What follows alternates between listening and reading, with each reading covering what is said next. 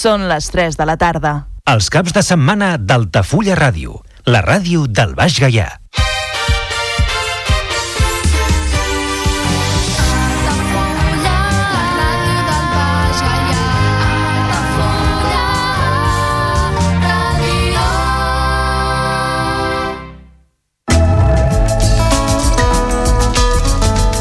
L'agenda a Altafulla Ràdio. Visites guiades a la Vila Closa d'Altafulla cada primer dissabte de mes a les 11 del matí, amb sortida des de la Porta Reixada del Castell. Preu de la visita 4 euros. Més informació i reserves a l'oficina de turisme d'Altafulla i al telèfon 977 65 14 26. Visites guiades al Castell d'Altafulla cada primer dimarts i últim dissabte de mes de 10 del matí a 1 del migdia. Més informació i reserves a l'oficina de turisme d'Altafulla i al telèfon 977 65 14 26.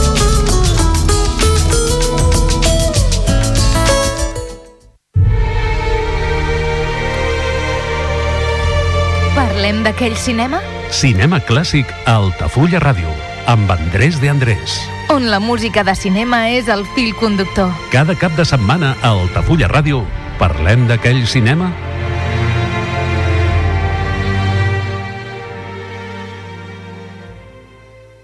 Benvinguts a l'espai radiofònic Parlem d'aquell cinema que presenta un servidor de vostès, Andrés de Andrés.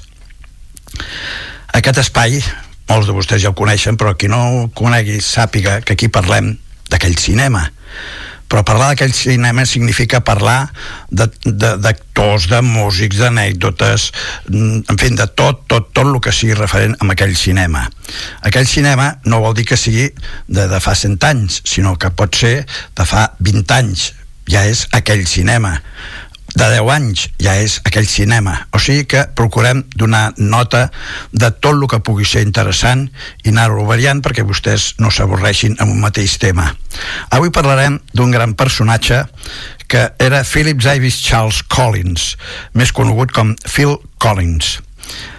Aquest home va néixer a Criswicks, Mindeslex, Inglaterra, el 30 de gener de 1951 i, com he dit, el seu nom artístic és Phil Collins.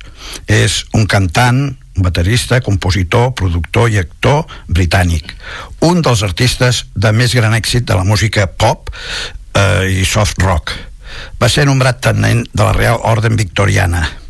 Entre 1984 i 1989, Phil Collins ha liderat la llista d'èxits americans Billboard Top 100 com cantant en 8 ocasions, 7 com solista i una amb el Genesis, banda en què va ser membre entre 1970 i després va 1970 i 1996 després de la sortida de Peter Gabriel a 1975 es van convertir en el cantant solista del grup amb el que ha tingut alguna col·laboració esporàdica des de l'any 2007 les seves cançons, molt sovint, eh, traten d'amors perduts, eh, temes personals i sobretot, sobretot, el problema mm, fin, sexual.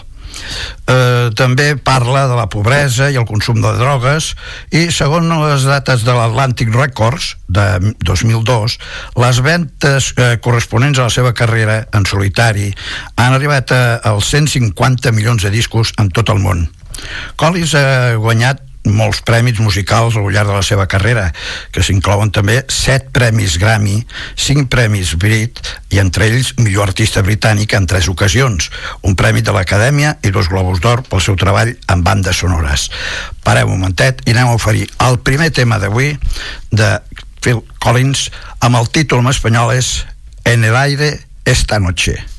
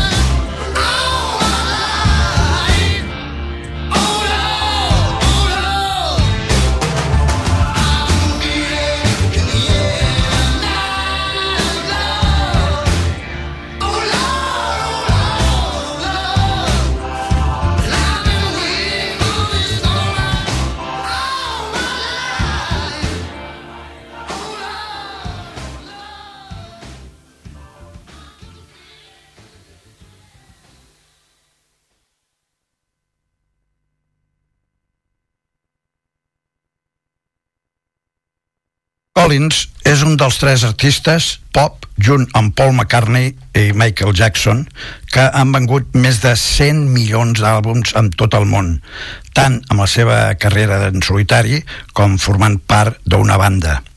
Comptant el seu treball amb Genesis, les seves contribucions amb altres artistes i la seva exitosa, exitosa carrera, ara sortit bé en solitari, Collins va tindre més de 40 èxits que van capçalar les llistes del Billboard Hot 100 durant la dècada de 1980. A l'any 2008, Collins va ocupar el lloc número 22 amb la llista dels 100 millors artistes de tots els temps, segons el Billboard Hot 100. Eh, va ser inclòs amb el Salon de la Fama del Rock com membre de Genesis a l'any 2010. El 7 de març de 2011 es va fer pública la seva retirada del món musical per problemes de salut i no per sentir-se còmode amb la indústria musical del gènere a l'any 2015 anuncia el seu retorn al món de la música i inclueix un nou àlbum i la seva corresponent gira de suport. Collins va néixer amb el suburbi eh, londinenc de Hunlove el 30 de gener de 1951. El seu pare, Graville Collins, era agent de seguros, mentre que la seva mare, Winifred, era una mànager teatral. Quan els seus pares li van regalar per Nadal una bateria de joguet, mai van pensar que amb ell naixeria un interès tan important per la música. Phil tenia per aquell temps 5 anys i aquest seria el primer dels molts joguets que els Collins comprarien al seu fill. Aprenia jugant amb la televisió i la ràdio i com ningú li va ensenyar a llegir i escriure amb notació musical convencional va mm, fer uns dissenys del seu propi sistema la seva formació professional va començar amb 14 anys, quan va entrar amb la Barbara Speck Stage School. Va començar a treballar com a actor i model, guanyant un primer paper important com Arthur Dodger amb la producció Oliver participà també en la pel·lícula de los Beatles eh, Que noche la aquel dia i en Chitty Chitty Bang Bang Collins també va estar entre els tres finalistes pel paper de Iku amb el show televisiu americà The Bungalows, que va perdre front al també actor i músic John McIndoe. A pesar dels inicis de la seva carrera com a actor, Collins va començar a orientar-se cap a la música paulatinament. Mentre assistia a l'escola comunitària Chiswick, va formar una banda que es deia The Real Time i més tard es va juntar amb The Freebull. Amb aquest últim grup va escriure la seva primera cançó titulada Laying Crane Ding. La primera gravació de Collins va ser com bateria del grup Flaming Youth, junt a Ronnie Carly, Brian Chatton i Gordon Flash Smith. A l'únic disc de la banda, Arc 2, de 1969 era un treball conceptual inspirat amb el recent interès pels mitjans de la Lluna. No va tindre molt èxit comercial a pesar de les crítiques positives. Eh, Melody Martic el va destacar com l'àlbum pop del mes. Després d'un any de gira, les tensions dintre la banda i la falta d'èxit comercial van acabar per dissoldre el grup. Als anys 1970, Genesis i el rock progressiu eh, va correspondre amb un anunci a la revista Melody Marker on es buscava un bateria sensible a la música acústica i un guitarrista d'acústica de 12 cordes. L'audició es va produir a la casa dels pares de Peter Gabriel i va consistir en tocar algunes pistes del segon àlbum del grup, Tres Pas, de l'any 1970.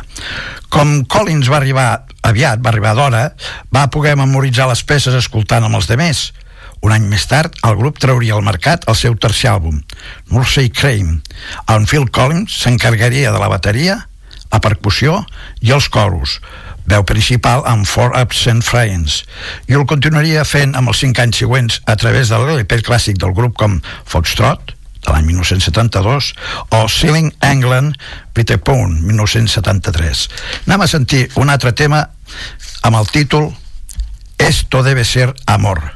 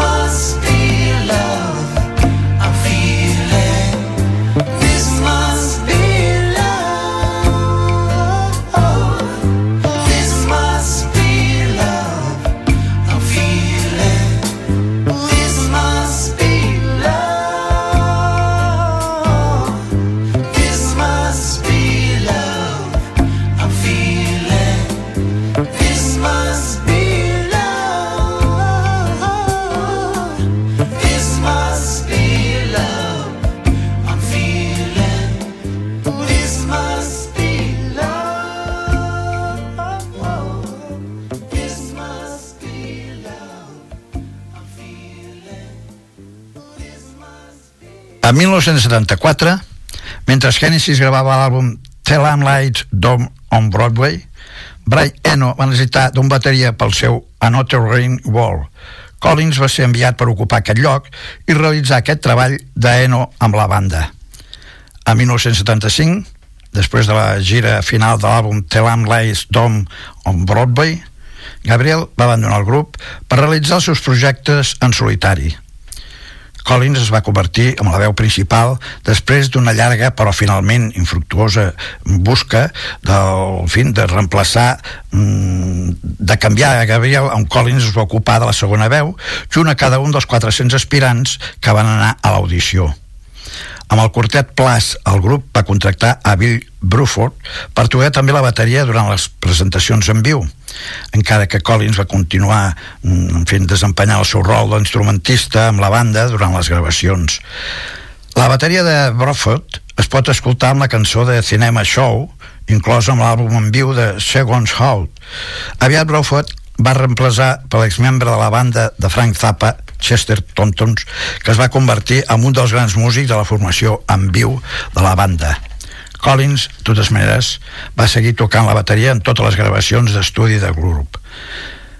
El primer àlbum d'aquesta nova etapa va ser Heart Trick et Tal, 1976, que va arribar al tercer lloc de les llistes del Regne Unit i al top 40 amb, estats, amb els Estats Units. La revista Rolling Stone va confirmar Hennessy ha aconseguit convertir la possible catàstrofe de la partida de Gabriel amb el seu primer èxit americà.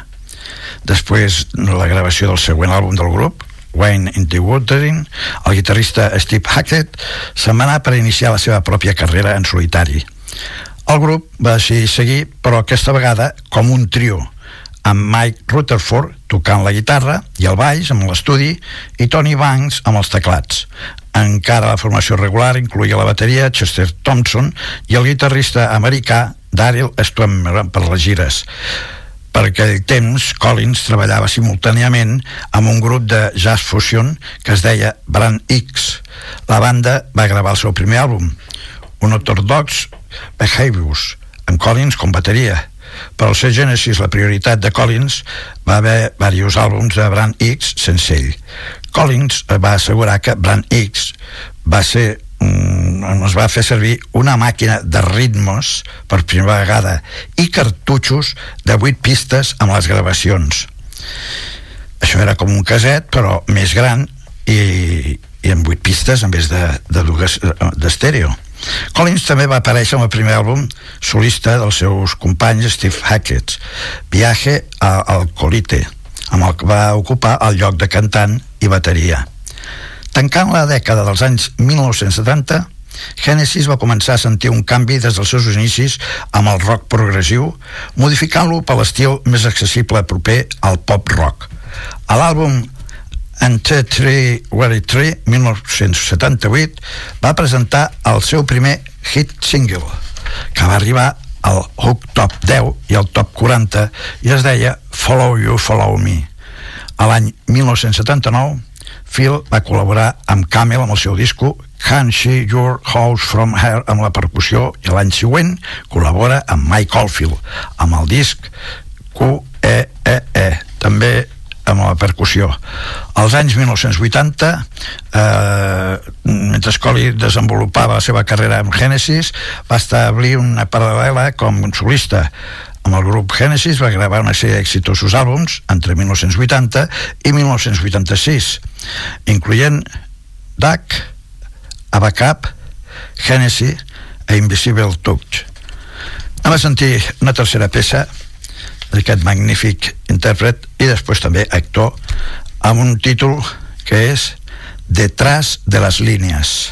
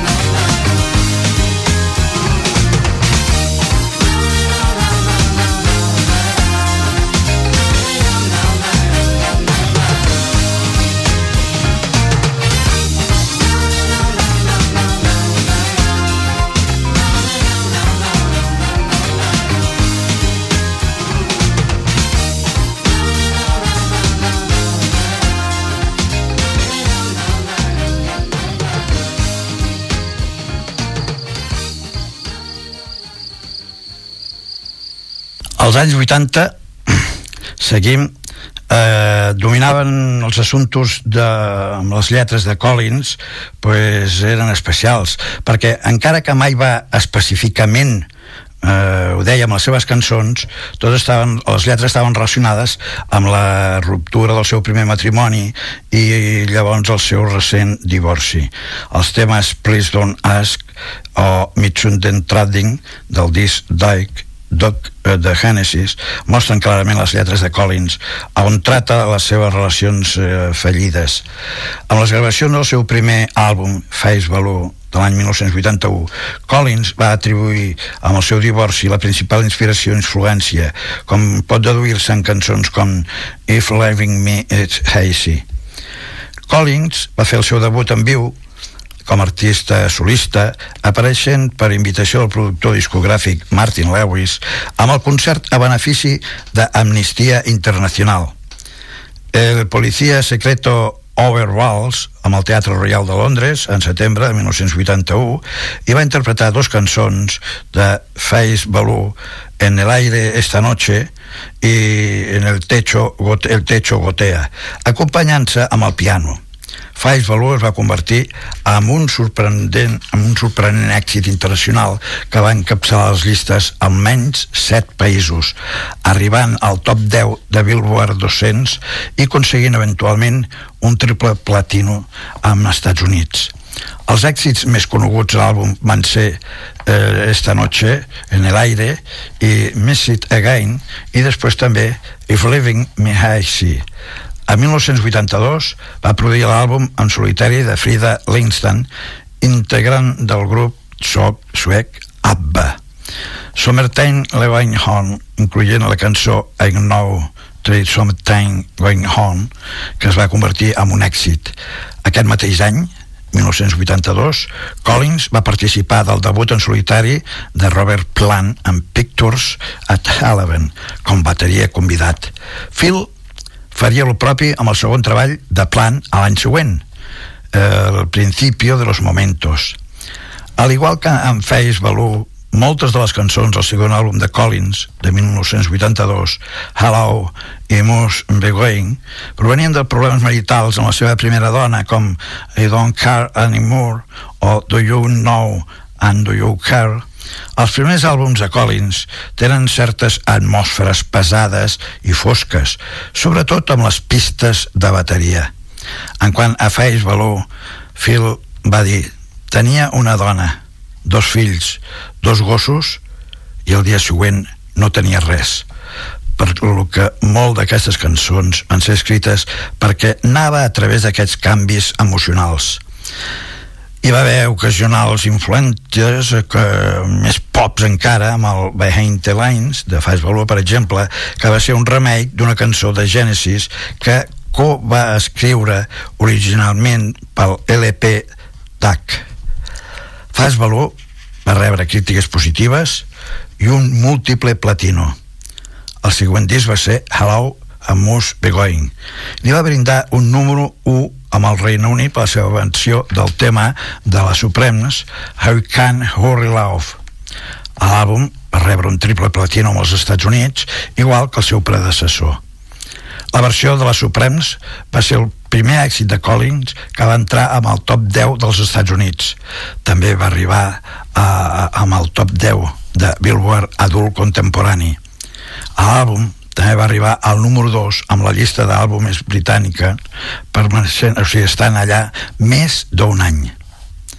Dos anys abans, Collins havia tocat la bateria en el tercer àlbum homònim de Peter Gabriel, el primer registre que expliquen, eh, o que hi ha amb l'efecte que es diu Gatted Rubber, so que va ser utilitzat amb la cançó Intruders i Gabriel supostament no volia cap metall cap metall amb el disc i va demanar a Collins que deixés els seus platillos a casa els seus platets eh, tan, es, tan escandalosos a vegades.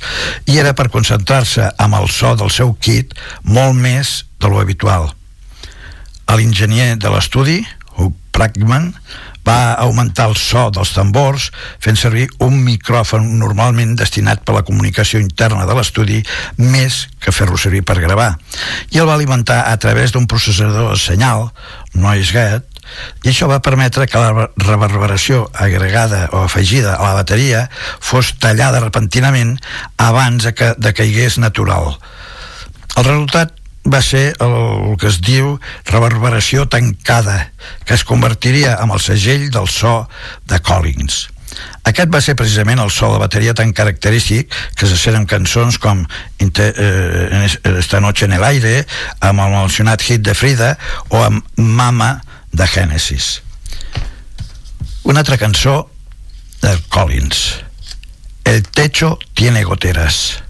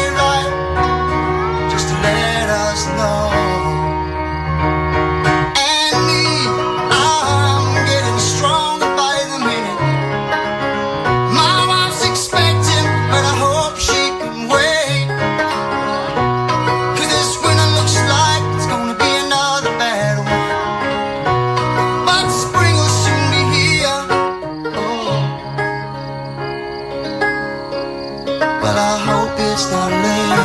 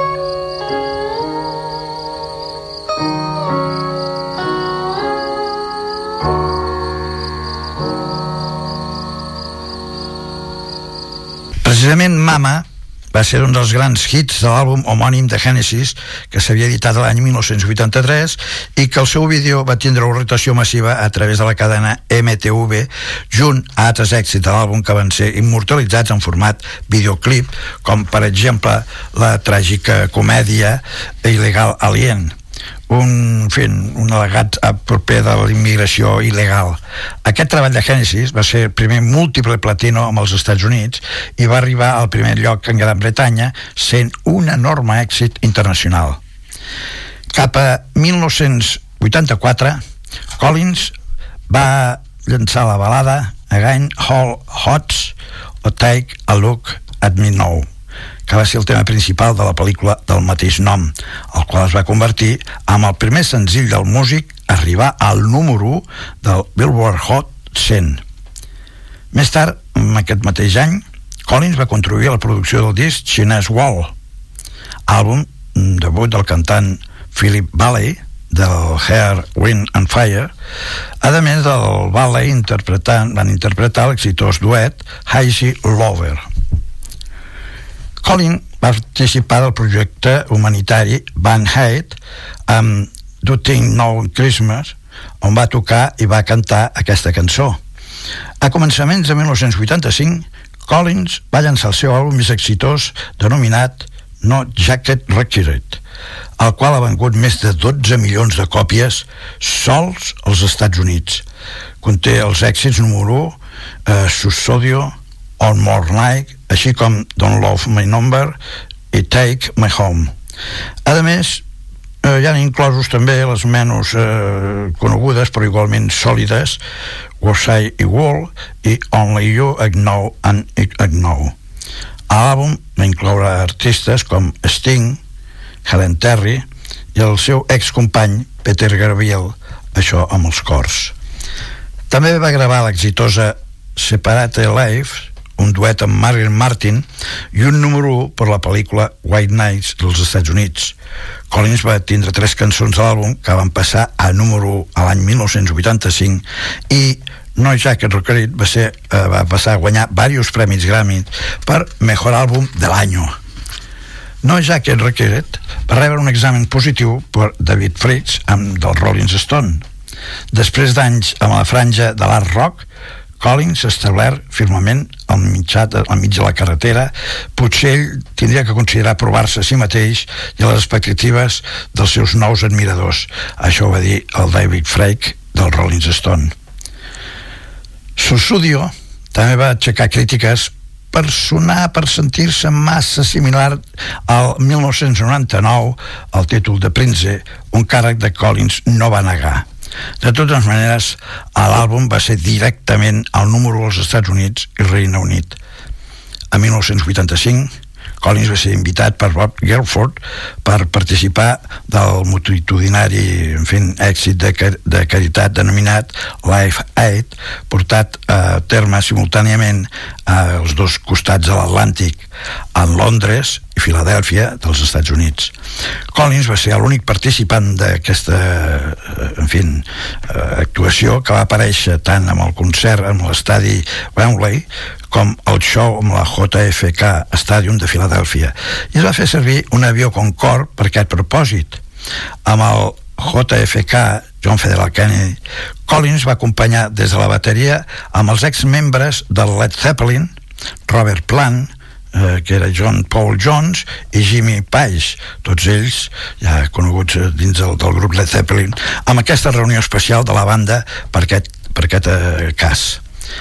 En 1986 apareix el mencionat Invisible Touch, la cançó Invisible Touch, i va arribar també al número 1 amb l'American Billboard Singles Chart, l'única cançó del Genesis que va aconseguir fer-ho. El grup va rebre una nominació a Vídeo de l'Anyo amb la MTV de 1987 pel senzill Land of Confusion, que incluïa caricatures de marionetes creades pel, per l'equip satíric britànic Spitting Image, però a perdre foren a l'èxit a Peter Gabriel com solista en Siege Hammer. Les crítiques van ser generalment positives. Per exemple, en Rolling Stone, en JD con Sidine, va aparèixer declarant cada melodia en Genesis es, es poda cuidadosament de cada floreig i que s'ofereix no una epifania instrumental, però sí un sòlid ganxo comercial. Phil Collins, en Barcelona, a Espanya, a l'any 2004. A 1988 surt la pel·lícula britànica Booster, eh, que el seu soundtrack conté dues cançons de Phil Collins, les quals van gravar per la pel·lícula, amb aquell també actuar amb True Hearts. Va ser escrita principalment per la pel·lícula i uh, Groovy King of Love. Va ser una versió de la versió gravada pels Members en 1965 i va aconseguir arribar al segon en la llista de senzills britànics eh, els dos van ser publicats com senzills i Phils va encapçalar el Billboard Hot 100 amb A Groovy King of Love. També va arribar al número 1 amb el Regne Unit i unes altres noves cançons incloeixen Big Noise, de Collins, i la dels Four Tops, Loco in Acapulco, escrita per Collins.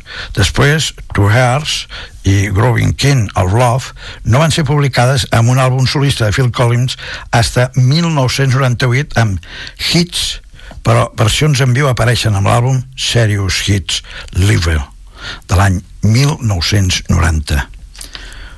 Una altra cançó que es titula Drone Phil Collins.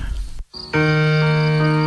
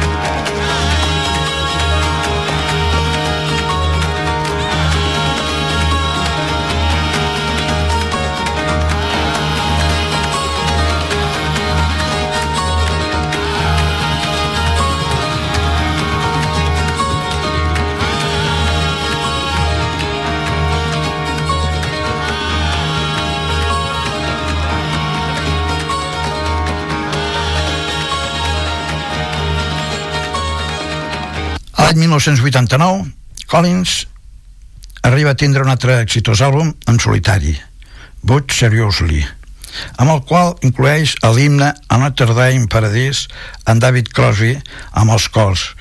A Notre Dame in Paradise va ser número 1 amb les llistes del Billboard a final de 1989 i Collins va guanyar un premi Brit el millor senzill britànic a l'any 1990 i el premi Grammy en 1991 per millor gravació de l'any.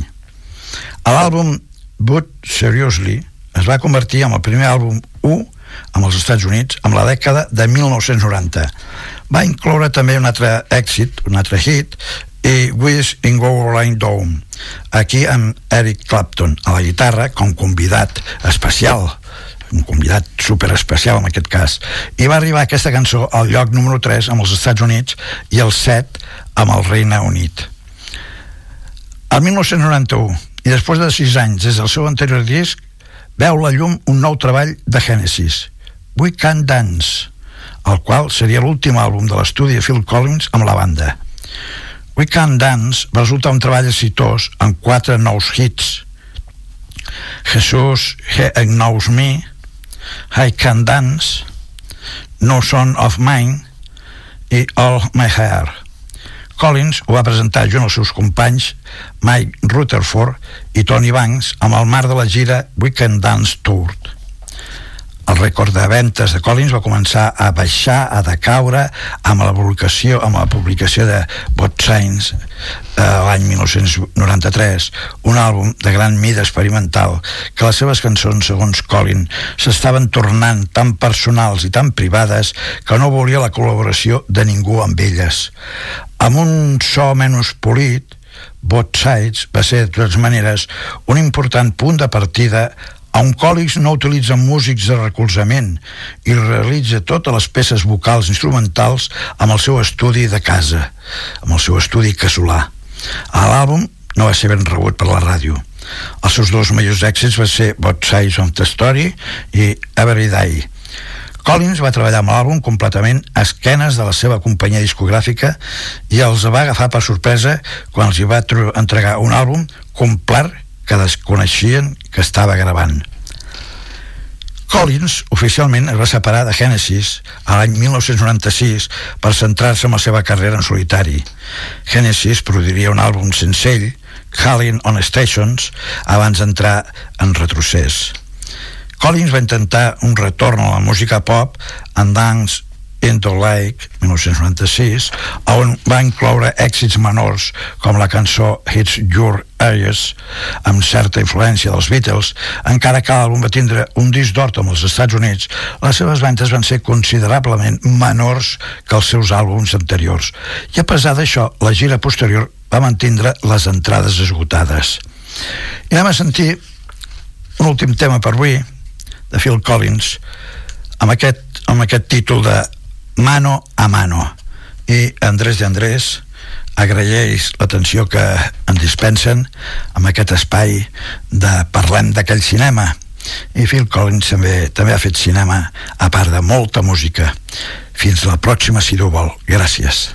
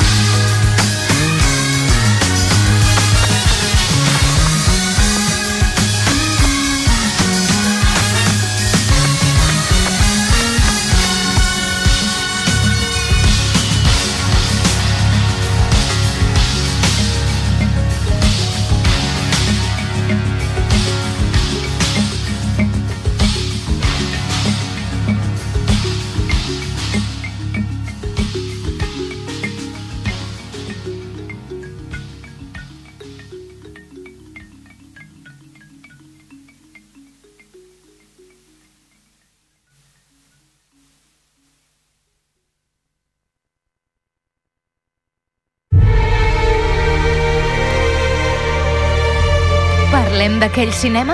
Cinema clàssic a Altafulla Ràdio, amb Andrés de Andrés.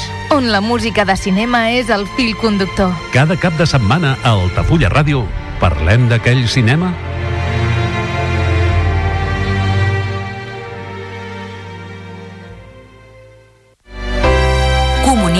2024. Dates ja disponibles amb sales privades, jardí, pàrquing privat i la millor gastronomia. Més informació i reserves al 977 65 11 55 i a comercial arroba altafullamarotel.com o al web altafullamarotel.com.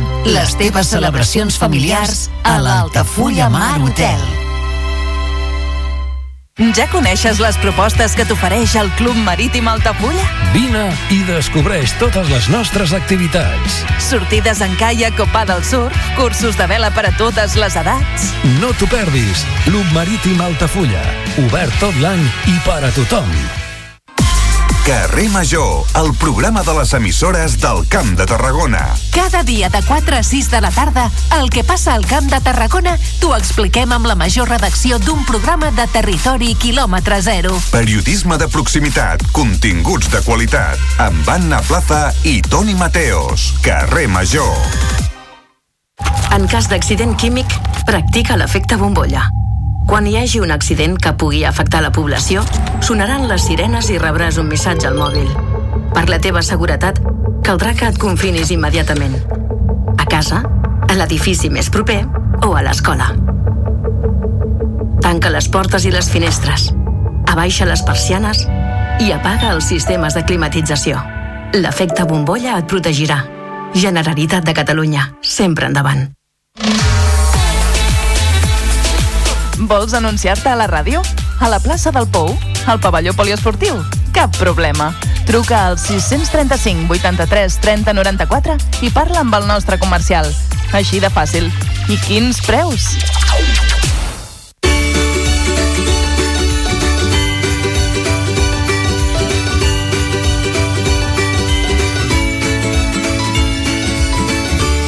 Altafulla Ràdio. Bones festes.